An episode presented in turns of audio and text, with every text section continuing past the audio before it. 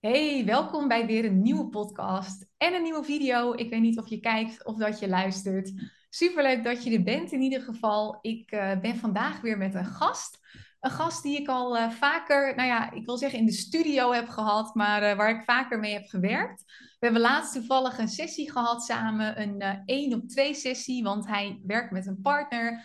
En hij heeft ook al eens een keer een masterclass gegeven in mijn mastermind vorig jaar. En toen kreeg ik terug dat nou heel veel mensen zeiden dit was echt de beste masterclass in de mastermind. Dus dat was een mega compliment.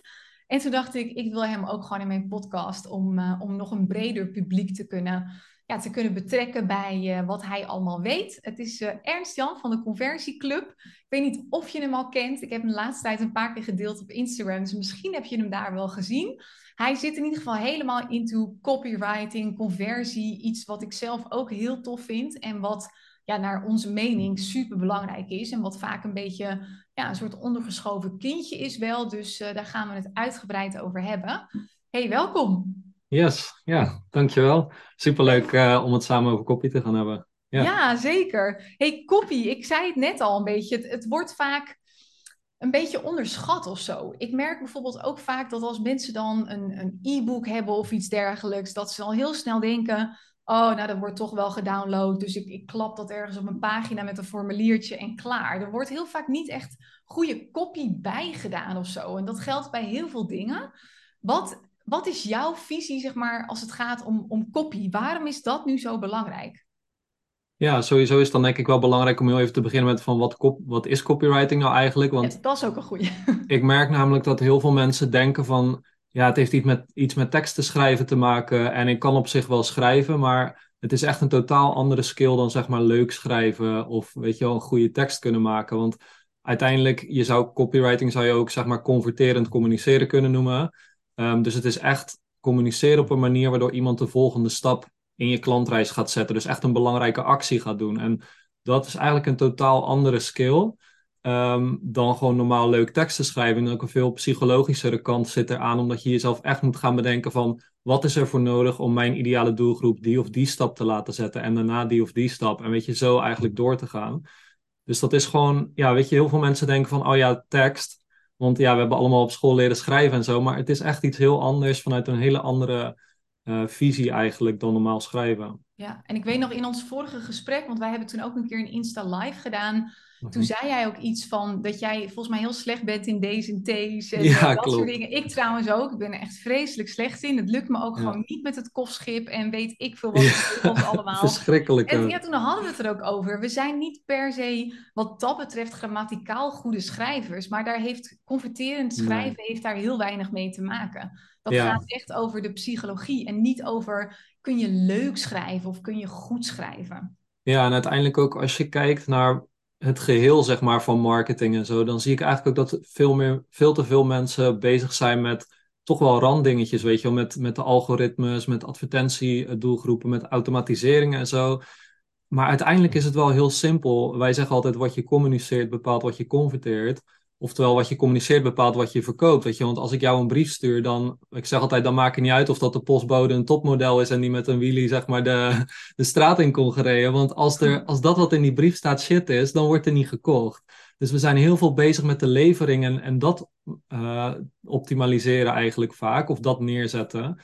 Terwijl dat eigenlijk, uh, hoe meer tijd je daarin besteedt, dat bepaalt niet dat je daar meer klanten uithaalt. Dus communiceren is natuurlijk uiteindelijk de kern waar iemand op aangaat en dat soort dingen. Dus het klinkt zo heel simpel, maar toch wordt ja, de focus ligt gewoon vaak op het verkeerde ding bij veel ondernemers. Ja, absoluut. En wat ik zelf zo interessant vind aan copy is dat het soms letterlijk één zin kan zijn of één woord waardoor iemand wel of niet converteert. Ik vind dat altijd heel tof met mijn funnel. Dan kan ik van die split-testjes doen. Dus dan laat ik 50 mensen links gaan, 50 mensen rechts. En dan krijgt iedereen net even een andere boodschap. En dan zie ik soms dat één zinnetje net even het verschil maakt tussen of iemand wel of niet converteert. En ik denk dat er wat dat betreft ook nog maar weinig bewustzijn is voor converterend schrijven. Ja. Ehm, als je zelf kijkt naar, stel je zou even drie belangrijke dingen moeten noemen, of drie mhm. meest gemaakte fouten bijvoorbeeld. Wat zie je dan vooral? Ja. Um, nou ja, sowieso waar wij vaak op ingaan zijn echt de grotere dingen, omdat daar gewoon meer soort van ja, daar zit gewoon meer uh, de grote levers, zeg maar, om, om iets gedaan te krijgen. Dus wij kijken heel erg vaak naar de kern en um, niet echt op woordniveau. Want natuurlijk, woorden kunnen, weet je, dat is uiteindelijk pas de laatste stap. Ze kunnen heel veel doen. Maar vandaar, eigenlijk begint het veel meer daarvoor al. Van, weet je, mensen hebben heel vaak niet een specifiek genoeg, genoeg doelgroep of persoon in hun hoofd, waardoor alle teksten vaag blijven. Want uh, ik geef altijd het voorbeeld van fit worden. Als je dat noemt, uh, en je hebt zeg maar voor een gast van 16 betekent dat een sixpack. Voor iemand die net moeder is geworden betekent dat weer in je broek passen na de zwangerschap. En voor een vrouw van 70 betekent het weer die fitte oma zijn die met de kleinkinderen kan voetballen. En zolang je niet duidelijk bent, krijg je allemaal mensen waarvoor het net niet relevant is. Of je blijft dus veel te algemeen, weet je wel. Dus eigenlijk verlies je dan altijd. Um, dus om concrete copy te schrijven met concrete verlangens, concrete problemen en dat soort dingen die je aanspreekt, concrete dagelijkse situaties, moet je gewoon ook echt een concrete doelgroep hebben en echt iemand in gedachten hebben en niet, want dat zie ik heel vaak bij ondernemers, niet telkens in gedachten switchen naar een ander soort persoon. Ik hoor bijvoorbeeld mensen met doelgroepen zoals, ja, het zijn uh, leiders in bedrijven, maar ook ondernemers. En dan denk ik al van, ja, maar de een wil winst maken, de ander wil carrière maken. De ene dag ziet er zo uit, de andere dag, zijn dag ziet er zo uit. Hoe kan je daar ooit een tekst voor schrijven? Dan gaan ze een tekst schrijven en is de ene helft voor die, de andere helft voor dat. Of het wordt maar niet concreet. En het gaat gewoon niet. Dus um, geen specifieke doelgroep hebben en daardoor vaag blijven in je tekst en zo. Dat is eigenlijk wat ik heel vaak zie. En mensen vinden het dan vervelend als je weer over de doelgroep begint. Want het is iets waarvan iedereen denkt dat je het wel kan afvinken. Maar toch is dat heel vaak niet het geval. Nee, zo vaak is het nog lang niet specifiek genoeg. Of op zich hebben ze een concrete doelgroep, maar ze hebben helemaal nog niet typische voorbeelden erbij, erbij bedacht. Dus dan blijven ze nog een beetje in wolkentaal hangen. Dan hebben ze, op zich hoor ik dan vaak van, oh, dit is de doelgroep. Als ze het dan uitleggen, denk ik, oké, prima. Maar dan kijk ik naar de teksten en dan blijft het allemaal maar vaag, weet je. Ben jij ook zo druk in je hoofd? Dan denk ik, ja, wie is dat tegenwoordig niet? Dus je, je moet daarin eigenlijk heel duidelijk keuzes durven maken die super specifiek zijn. Ja, dat vond ik ook heel leuk om dat te zien, want jij had pas volgens mij een paar vragen beantwoord in je stories. En toen zag ik je daar ook over hebben, inderdaad, over die concrete situatie. En dan merkte je ook dat daar heel veel dingen die er bij jou ingestuurd waren, dat dat ook zo was. Een van de oh, oefeningen. Die, eh, die stoppers die ik had gedaan, dat bedoel je? Ja, klopt, ja. Ja, die stoppers, ja. Ja, daar zag je dat ook heel veel in. En toen had je het daar ook even over. Ja, dan wordt het heel vaak niet doorgetrokken of zo. Dus er was inderdaad iemand die uh, zij hierdoor loopt, dit is een, een gemiste kans voor je bedrijf. Dus, maar plak daar een verlangen aan vast. Dus dit is een gemiste kans voor je bedrijf, waardoor je heel veel klanten en omzet laat liggen. Of uh, er was ook iemand die had iets over crypto ingestuurd. Ik heb in vijf jaar tijd met deze methode een ton in crypto verdiend.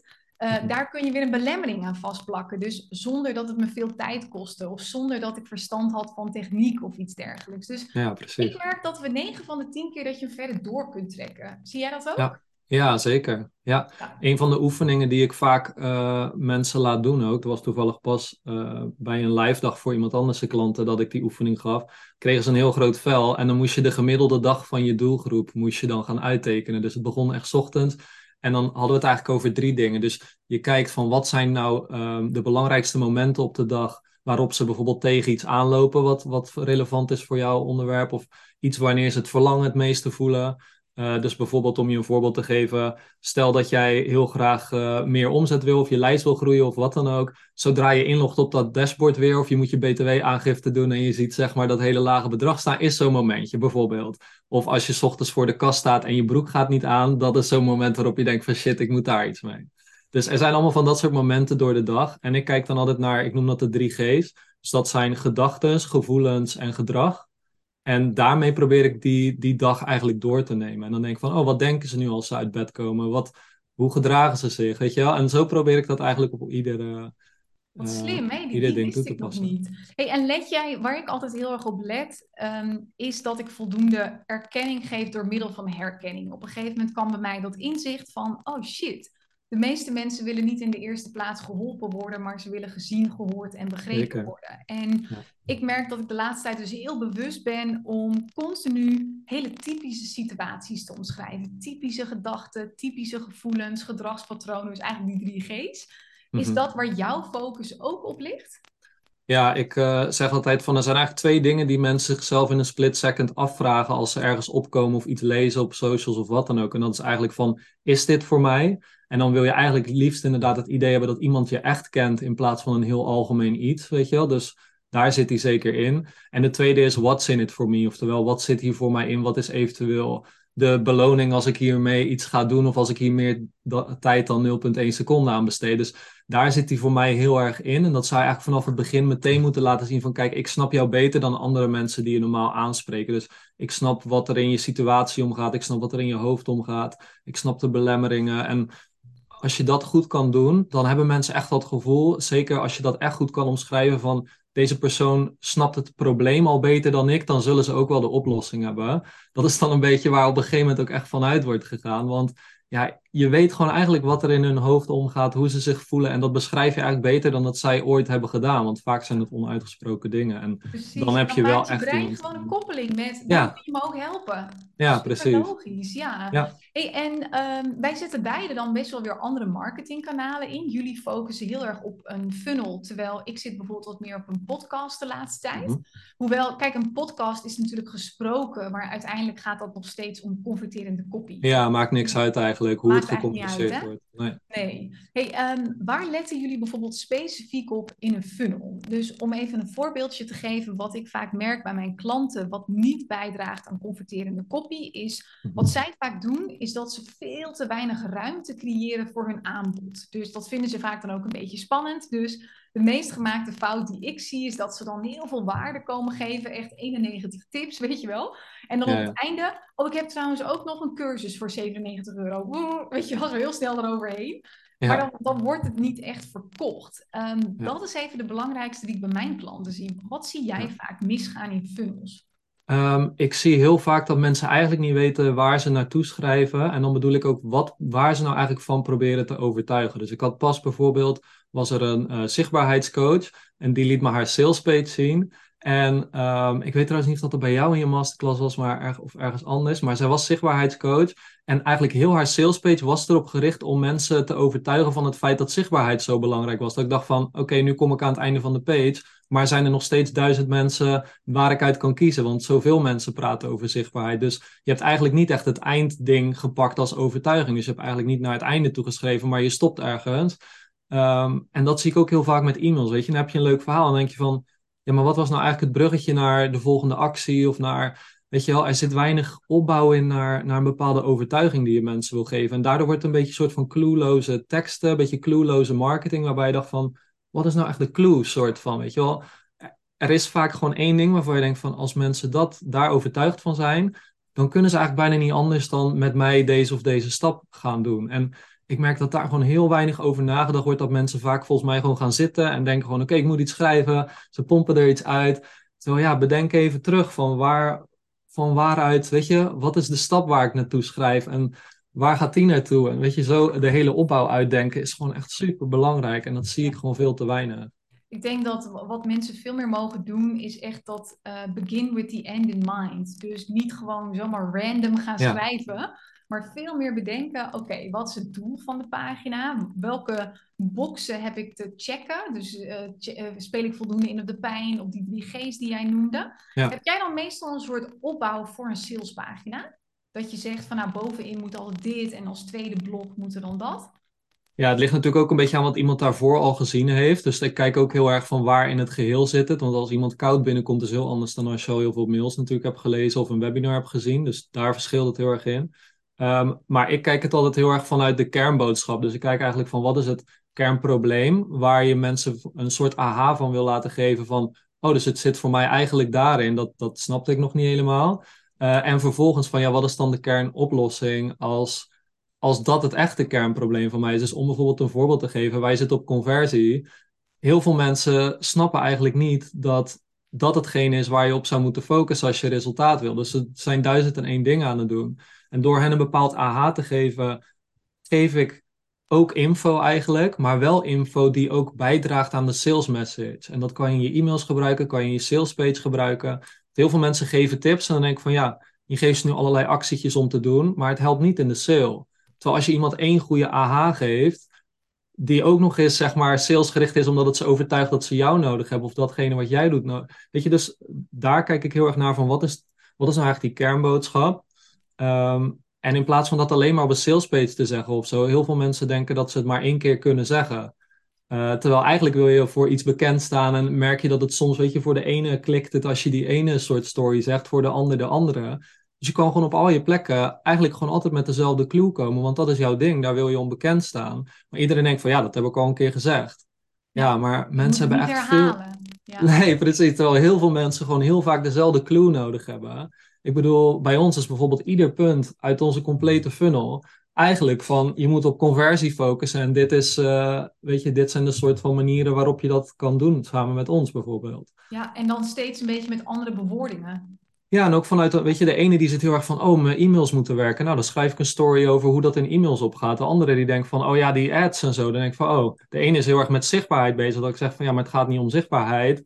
Want je kan ook gewoon naar, zeg maar, een van de oogballenwinkels zoals Facebook. En daar kan je gewoon kopen. En is van, ja, maar dat kan ik niet kopen. Nee, dat komt omdat je niet converteert, zeg maar. Dus uiteindelijk kom ik altijd met, met ieder soort punt waar zij mee bezig zijn kan ik het weer terugleggen naar mijn kernprobleem. En dat doe je dan eigenlijk ook in je sales page. Ik kan altijd, maakt niet uit wat iemand zegt waar ze mee bezig is. Je kan het uiteindelijk altijd weer terugbrengen op jouw ding. En dat is conversie in ons geval. Ja, en dan vaak ook met voorbeelden. Ik had bijvoorbeeld afgelopen week deed ik een breathwork sessie met iemand. En was mijn boodschap heel erg iets weten is niet voldoende. Dus wat we heel vaak in Nederland doen, sowieso een beetje in de westerse wereld, heel erg focus op meer kennis, meer kennis, meer kennis. Ja, maar vervolgens is er dik vet uitstelgedrag, perfectionisme en weet ik wat. En dat was ook inderdaad in de kern mijn boodschap toen. Alles daarop sturen en steeds maar weer voorbeelden geven.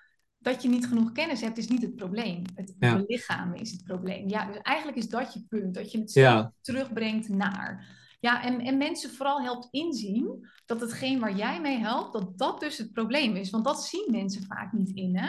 Ja, en um, die kernboodschap is uiteindelijk ook hoe je jezelf positioneert. Dus jij, jij kijkt zelf natuurlijk ook eigenlijk gewoon van... wat is nou de ene boodschap die ik dan moet overbrengen over dat breathwork... waardoor het klopt of zo. Ja, um, om je een voorbeeld te geven bij ons. Uh, ik heb een soort van business buddy, Rogier van Wachtendonk. En daar met hem ga ik wel eens... Uh, in onze kwartaalplanning soort van doen. En we hadden het een keer over zijn kernboodschap. En uiteindelijk kwamen we erop in een gesprek van ja, eigenlijk zijn er heel veel mensen die willen dat grote bedrijf, maar gedragen zichzelf nog niet als CEO. Dus ze willen heel graag op een gegeven moment CEO worden en een groot bedrijf hebben. Maar waarom denk jij nou dat dat niet lukt? Wat is het kernprobleem? En dan zei hij eigenlijk van ja, in andere woorden, maar je moet natuurlijk uiteindelijk wel iets vinden wat, wat klikt.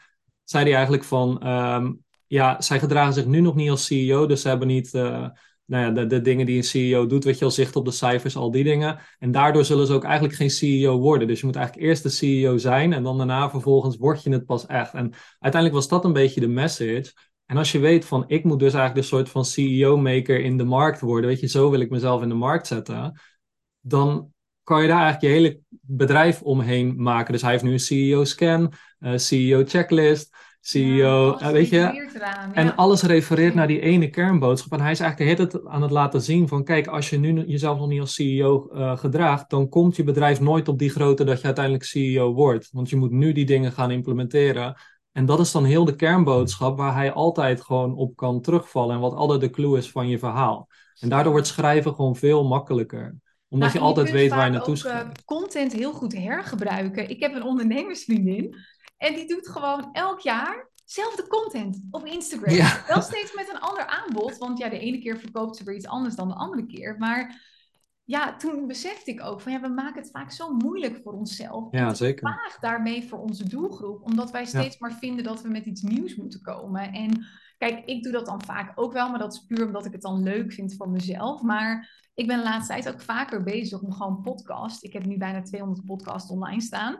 Om gewoon een beetje de oude podcast, om die weer opnieuw op te ja, nemen. Want daar zit die kernboodschap de hele tijd in. Ja, ja. ja. en als je ook kijkt naar... Uh, want een van de dingen die ik eigenlijk bijna niemand zie doen, die ook zo makkelijk is. Weet je, als jij nieuwsbrieven stuurt, kijk gewoon welke je soort van bestsellers waren voor je gevoel. Dus die veel geopend werden, veel geklikt.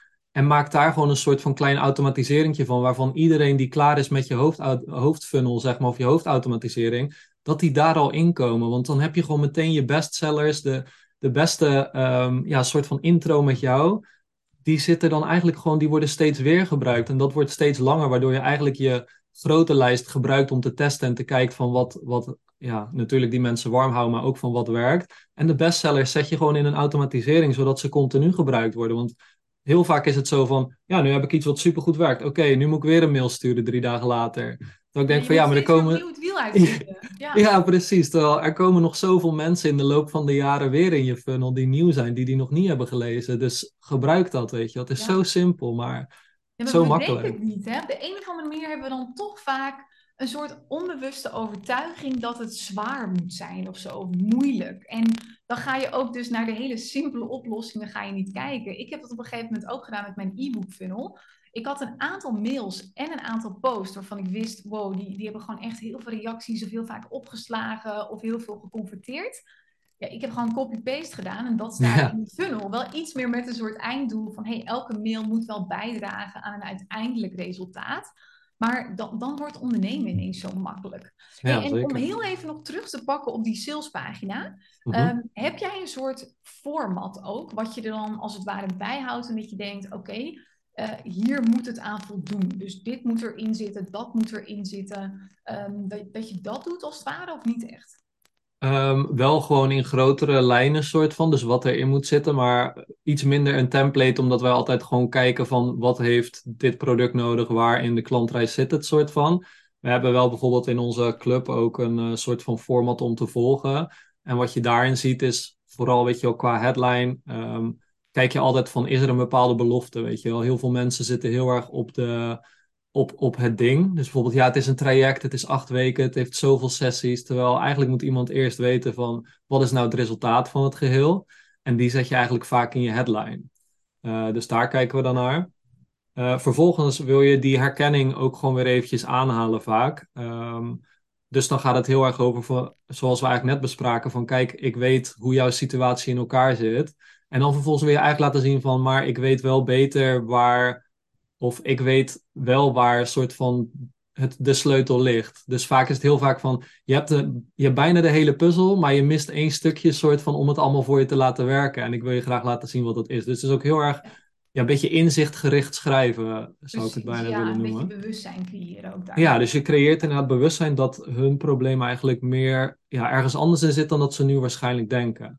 En daardoor heeft alleen die salespage kan gewoon al echt heel waardevol voor mensen zijn, omdat het klikt in hun hoofd, soort van, oh shit, ik ben de hele tijd gewoon met het verkeerde bezig geweest. Ja. En daarmee schuif je ook wel een beetje de, ja, de schuld af dat het niet aan hen ligt. Want dat is denk ik ook een hele belangrijke. In plaats van, ik, ik zie heel veel salespages waarbij je mensen een gevoel toch krijgen van, ja, je hebt, jij doet het verkeerd of jij hebt allerlei dingen verkeerd gedaan. Maar zo zit het niet, weet je. Sukkel. Ja, precies. Ja, precies. Ja, en dat is gewoon niet fijn ook om door te lezen. Terwijl als je zoiets hebt van, kijk, het is heel logisch want, uh, dat je dit en dat hebt gedaan. Want dat klinkt heel logisch, maar dat is het eigenlijk niet. Of dat hoor je overal, maar dat is eigenlijk niet zo. Weet je, dan kunnen ze het echt die schuld buiten zichzelf soort van leggen. En denken van, oh, ik had gewoon niet de juiste info. En zeker als je dan het gevoel geeft van, Um, maar daarnaast heb je wel alles, weet je, want je wil blijkbaar, want je bent hier, uh, je bent actiegericht, je hebt al die dingen geprobeerd, dus je bent een echte volhouder, maar je was gewoon met het verkeerde ding bezig.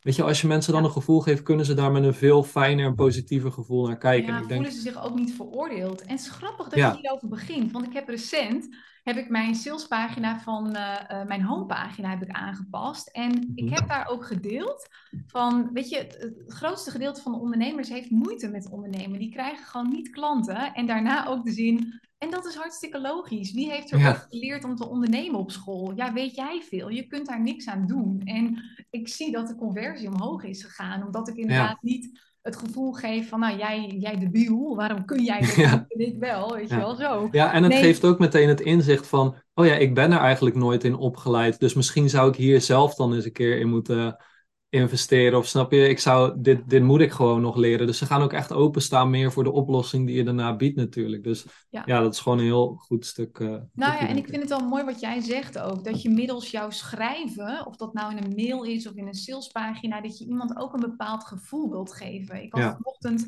heb ik nog een mail nagekeken van iemand die, um, uh, dat was een mailfunnel voorafgaand aan een webinar. En haar mhm. doelgroep is wat ouder. Dat zijn vrouwen die een beetje onzeker zijn tussen de 40 en de 60. En ik heb toen in de bevestigingsmail ook één zin toegevoegd. Uh, zij zei, mijn show-up is best wel laag. En ze zei, ik heb wel eens dat mensen bang zijn dat ze zelf in beeld zijn in een webinar. Dus we hebben één zinnetje toegevoegd dat ik zei, hey, ik werk in Webinar Geek, dan zie je mij en de presentatie. We zien jou niet, ik zie alleen je voornaam. En Weet je, het kunnen ook dat soort dingen zijn die iemand net weer even het vertrouwen geven om, oh, oké, dan kan ik er wel live bij zijn. Het gaat ja. eigenlijk om dat gevoel ook, hè? Ja, en wat je daar eigenlijk ook aanstipt, is dat je bij iedere stap die je schrijft weer jezelf moet afvragen. En daarom geloof ik ook niet heel erg in templates, omdat je zelf steeds weer moet afvragen, wat denkt mijn doelgroep nu? Dus eh, niet alleen dat je dat eerst research doet en klaar, maar ook gewoon van, als iemand dit leest, weet je wel, wat denken ze dan? Ehm, dus bijvoorbeeld als je een, ehm, een drukke moeder hebt, zeg maar, en je hebt een headline van je kan iedere dag twee uur voor jezelf uh, creëren, ja, dan denken zij van ja, dat snap ik, maar dan kan ik mijn kind niet van school halen, of dan stel ik mijn partner teleur, of dan kan ik mijn taken niet doen. Denk ik van ja, door dat meteen te snappen van oh, dan denken ze meteen dat en anders haken ze af, zet ik erbij van zonder je kinderen, partner of uh, andere taken te verwaarlozen of zo. Weet je, dus en dan is het weer de vraag van oké, wat moeten ze nu weten? Wat denken ze nu?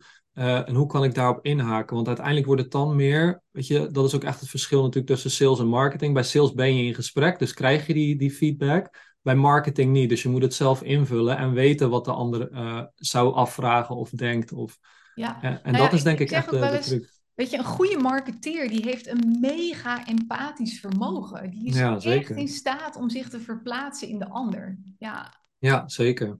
Hoe doe, hoe doe jij dat eigenlijk? Want ik merk wel eens bij mezelf dat soms lukt het me niet. Want nou, ik heb dan gewoon een druk hoofd. Dan heb ik 81 to-do's. En dan denk ik, mm dus wat ik zelf al vaak nodig heb voordat ik ga schrijven, dus converterend schrijven, is dat ik echt even een meditatie doe of zo. Niet, niet een uur hoor, al is het twee minuten, gewoon even beide benen op de grond, om heel even een soort van uit mezelf weer te kunnen stappen in de klant. Dat ik echt even denk weer, oké, vanochtend is mijn klant opgestaan en die heeft een probleem. Die krijgt het business niet van de grond. Dus echt even helemaal in de ja, kruipen van de klant.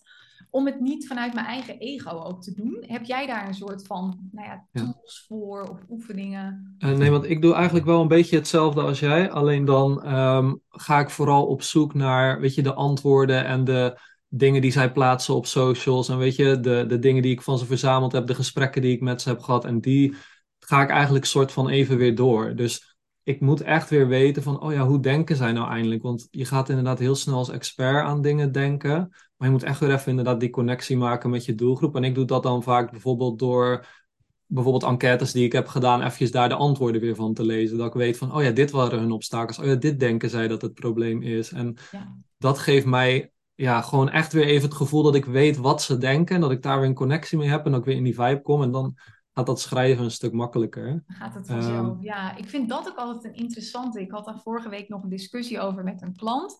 Zij helpt um, klanten om klanten aan te trekken via Instagram. Mm-hmm. En toen had ze een webinar, zo trek je klanten aan via Instagram. En toen zei ik van, moet je er niet bij zetten, zo trek je klanten en volgers, of volgers en klanten ja. aan. Ze zei, ja nee, maar daar gaat het niet om, want je hoeft niet veel volgers te hebben om uiteindelijk klanten aan te trekken. Maar toen zei ik ook van, ja, maar als jouw doelgroep dat niet begrijpt, ja, die denkt dat ze dat nodig hebben. Dus hetzelfde als dat mijn allerbeste podcast, dus die het mhm. meest organisch gevonden wordt en beluisterd, gaat over zes stappen om meer volgers en klanten te krijgen op Instagram. In, in de podcast zeg ik, het gaat helemaal niet om volgers en je hoeft niet zoveel volgers te hebben. Maar dat is wel even de trekpleister of zo. Ik, ik heb zo'n quote, meet your customer where meet your customers where they are, not where you are. Dus ook ja. taalgebruik en zo.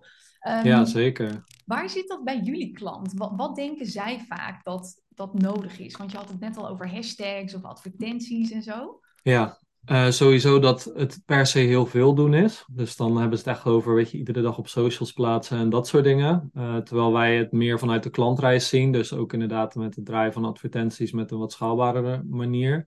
Uh, maar ook heel erg in zichtbaarheid. En daarom had ik ook dat voorbeeld wat ik net al zei van dan uiteindelijk probeer ik ze mee te nemen van waarom jij nou eigenlijk denkt dat het zichtbaarheid is. Dus dan is het van oké, het is je denkt dat het zichtbaarheid is. Um, maar dan, je kan zichtbaarheid toch gewoon kopen. Want je kan gewoon naar, naar Facebook gaan en je geeft een zak geld en je krijgt die oogballen. Dus waarom doe je dat dan niet? Ja, omdat dat duur is. En dan kan ik niet betalen. ja, waarom kan je dat niet doorlopend betalen? Ja, omdat er niet genoeg uitkomt. Oh, dus het is uiteindelijk alsnog een conversieprobleem. Want als uit die 10 euro die je investeert in zichtbaarheid 100 euro terugkomt, zou je het wel kunnen doen. Dus zo probeer ik ze heel erg mee te nemen in, goh, wat denk je nou eigenlijk dat het is? En dan gewoon eigenlijk puur door de stories, door de logica, door de manier waarop je ze daarin meeneemt, eigenlijk laten zien van, kijk, het zit toch echt net iets anders of zo. Of dat is eigenlijk de oppervlakte die je daar raakt. Ja, door het eigenlijk iets anders is.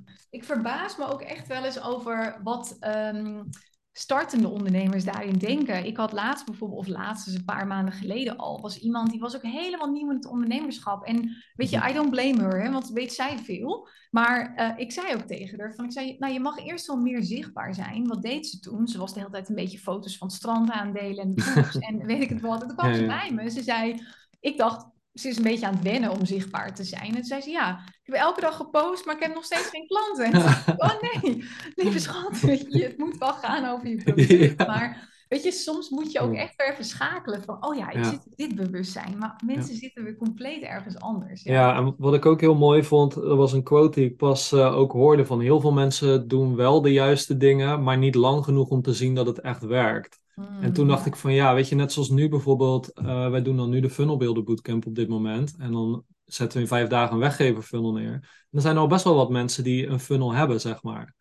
Maar ja, die werkt niet echt. Alleen heel veel mensen hebben het dan alweer opgegeven en zijn alweer door naar het volgende shiny ding, zeg maar. Terwijl eigenlijk betekent het gewoon dat dat ding wat je hebt gewoon nog verder geoptimaliseerd, dat je het gewoon langer moet proberen. En dan vraag je vaak van, ja, maar oké, het, het, het het levert geen klanten op. Uh, hoe meet je dat? Waar, hoeveel mensen zijn er doorheen gegaan? Ja, er zijn 30 mensen doorheen gegaan. Dat ik denk van, de kwantiteit moet wel gewoon groot genoeg zijn. Weet je wel, je moet die acties vaak genoeg hebben gedaan. Je moet genoeg mensen hebben gehad om überhaupt tot een conclusie te komen. Maar je ziet heel vaak mensen heel snel zo door de ideeën heen gaan van werkt niet, werkt niet. Uiteindelijk denk van ja, niks werkt voor mij, maar je hebt gewoon niks lang genoeg geprobeerd. Precies, daar gaat het vaak mis. Hè? Dat mensen, ze starten het wel, maar ze testen het gewoon niet lang genoeg. En weet je, dat is ook weer zo'n ding. Ik krijg die, die vraag heel vaak. Ik heb meestal al, oh, ik heb vijf mensen mijn funnel, maar niemand heeft iets gekocht. Mijn funnel werkt niet. En meteen al op paniek. En ik snap het ook, want ja, zij hebben ook helemaal geen vergelijkingsmateriaal ja, klopt. of dergelijks. Maar ik vind dat soms ook lastig om te geven, eerlijk gezegd. Stel dat jullie die vraag krijgen, hè? Wat mhm. geef je vaak als reactie als iemand vraagt van wat mag ik nou verwachten van een, van een funnel? Ja, um, nou ja, wij vragen ook altijd gewoon bijvoorbeeld uh, um, hoe duur is je product? En dan zegt, nou ja, bijvoorbeeld, ik had pas iemand die had een, uh, die doet een traject voor CEO's, dat was 50.000 euro. Dat ik zo zei van, ja, maar wat mag een klant je kosten dan? Zij zo, hè, wat? Ik zo, ja, als het 5000 euro kost, uh, mag dat? Ja hoor. 10.000, ja hoor. 15.000, ja hoor. Nou, volgens mij kan je daar iemand gewoon meenemen in een helikoptervlucht of meenemen naar Italië en dan nog steeds maak je dikke winst. Dus van, oh, ja, weet je wel. Dus het is ook heel erg kijken van wat heb jij nou eigenlijk nodig? Want als jouw product 3000 euro is bijvoorbeeld en het kost je 3 euro om, uh, om iemand op je lijst te krijgen, als dan 1 op de 1000 koopt, dan speel je break-even als 1 op de, de 500 koopt, dan, uh, of 2 op de 1000 eigenlijk, dan heb je dus twee keer dat 3000 verkocht voor 3000 euro. En dan heb je al 3000 onderaan de streep. Weet je wel? Dus wij kijken ook heel erg van wat, wat heb jij nou eigenlijk nodig en wanneer werkt het. Dus net zoals bij die bootcamp vanmorgen gaven we mensen zo'n invulblad, zo'n soort funnelcalculator, zeg maar. Van ga eens spelen met de cijfers. En natuurlijk, op het begin heb je ook nog geen referentiekader. Weet je, dan moet je het meer hebben van, oh, blijkbaar is dit hoog en dat laag. Um, maar ik probeer zelf ook altijd, als ik nu een funnel ga bouwen of een klantreis ga bedenken, dan probeer ik ook altijd te denken van, ja, maar wat als mijn leadkosten dubbel zo hoog is, werkt het dan nog? Of ja, maar wat als mijn conversie de helft is, werkt het dan nog? Want eigenlijk, hoe beter mijn plan überhaupt is in de kern, hoe langer ik dat kan zeggen. Van ja, maar stel nou dat het drie keer zo duur is, werkt dat dan ook nog? Oh, dan werkt het ook nog. Dat is wel echt een goed plan dan. Ja, en ook een uh, goede vraag om te stellen, wat mag een klantje kosten? Want daarin zijn we vaak zo gefixeerd op um, uh, het tussenstukje. Dus dan hoor ik van iemand die zegt, wow, ik betaal 20 euro voor een webinar aanmelding. Ja, dat is ja. in absolute zin veel geld. Maar toen gingen we kijken naar de conversie en wat ze er uiteindelijk uithaalt. En toen kwamen we uit op 1 op 3. En het is een volledig do-it-yourself programma wat ze verkoopt. Ik zei dus, jij stopt 3000 euro in. Voor 9000 euro verkoop je. Ik zei, je hebt alleen niet zo heel veel aanmeldingen, want het is 20 euro per aanmelding. Ja. Maar who cares? Je hebt ja, precies. Winst, winst Ja. ja. En dat is ook inderdaad, want mensen staren zichzelf inderdaad heel erg dan blind op die cijfers op die manier. Maar eigenlijk moet je gewoon kijken van op hoe werkt het voor mij? En als het bij haar 20 euro per aanmelding nog steeds werkt, ja, good for you, weet je wel. Laten we kijken hoe we van die 2010 maken, weet je dat. Maar ik zou me gewoon lekker laten draaien. En er zijn heel veel mensen inderdaad die, die zoiets hebben van, ja, het was duur, dus ik heb het uitgezet. Van, ja, maar je hebt zoveel klanten inderdaad eruit gekregen, dus Ja, weet je wel, ja. vorige week ook iemand met een, eh, een boek en die had dan eh, die had nog eh, iets van 6 euro winst per boek in plaats van 9 euro of iets dergelijks. En die had het ook uitgezet. En toen dacht ik, hè, ja.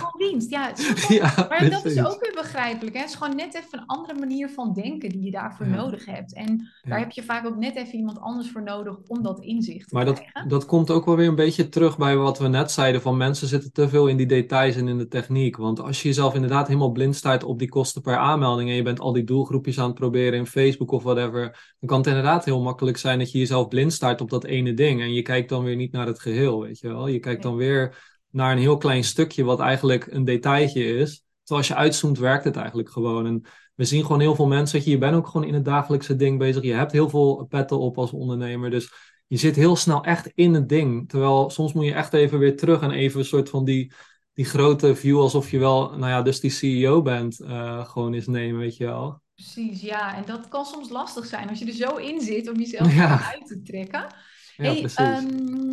Ik zit even te denken. Ja, ik heb nog heel veel vragen, maar we zeiden al, we houden het een beetje 30, 40 minuten. Daar zitten we Ja, ook alweer op. part two. Zijn er nog dingen waarvan jij zegt, oh, daar hebben we het niet over gehad, maar dat zijn dingen die, dat, dat was nog een game changer voor mij, of een belangrijk stukje Ja. bewustzijn wat ik mee wil geven? Ehm, ja, uiteindelijk zeker als je begint met eh, funnels, want iedereen is heel erg op, weet je het moet geautomatiseerd en ik wil er weinig tijd aan kwijt zijn. Maar wat nou als je er nu dit jaar wel veel tijd aan kwijt bent, maar dat je weet dat het op lange termijn werkt? Weet je, andere dingen kosten ook veel tijd. Ehm, maar ik zie heel veel mensen die willen dan nu per se passief of weet ik veel wat. En dan denk ik van ja, bijvoorbeeld toen ik begon met een van mijn eerste funnels, als ik dan achter de computer zat en ik zag iemand die nieuw op mijn lijst kwam, en dat was gewoon omdat ze iets gratis hadden aangevraagd, dan klikte ik even op mijn Loom-icoontje. Dan nam ik een heel korte video op van hey, superleuk dat je er bent. eh, ik hoop dat je hem tof vindt en bla bla bla. Nou, dat duurde 30 seconden. Dan stuurde ik het naar ze gewoon via mijn persoonlijke ding. En dan kreeg ik dan superveel leads uit en weet je wel, dat werkte supergoed. En dan denk ik van ja, het kost eventjes meer tijd. Maar zeker als je begint, je hebt niet zoveel budget en je kan niet zo, weet je, ga niet naar, ga niet achteroverleunen en eh, uiteindelijk denken van ja, het moet bij zo'n ding automatisch gaan. Nee, ga, Ga ook gewoon, zelf die verbinding ja, opzoeken. Ja, wat ja, precies. deed in het begin, ik ben nu vaak een beetje, heel eerlijk, ben ik er dan te lui voor. Of ik geef de prioriteit aan andere dingen. Ik ging vaak kijken, hey, wie heeft mijn mail gewoon vet vaak geopend? Of wie staat in de top-rated contacts? En dat waren heel vaak mensen waarvan ik dacht, nou, ik heb echt geen idee wie je bent. En die dan even een berichtje sturen. Ik ken zelfs echt grote ondernemers die grote events draaien.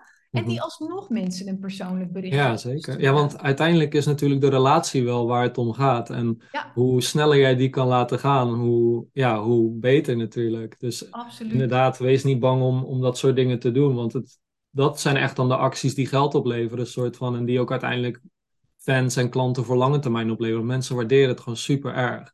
En het wordt altijd een beetje zo van vierurige werkweek, funnel is passief, weet je wel, zo over gedaan. Terwijl eigenlijk gewoon de good old eh, relationship building werkt gewoon nog steeds supergoed. En kan echt zoveel meer uit zo'n funnel eh Klopt, ja. En ja, weet je, ik geloof, ik geloof zeker in dat het mogelijk is om een vierurige werkweek en zo te hebben, maar niet Ja, tuurlijk.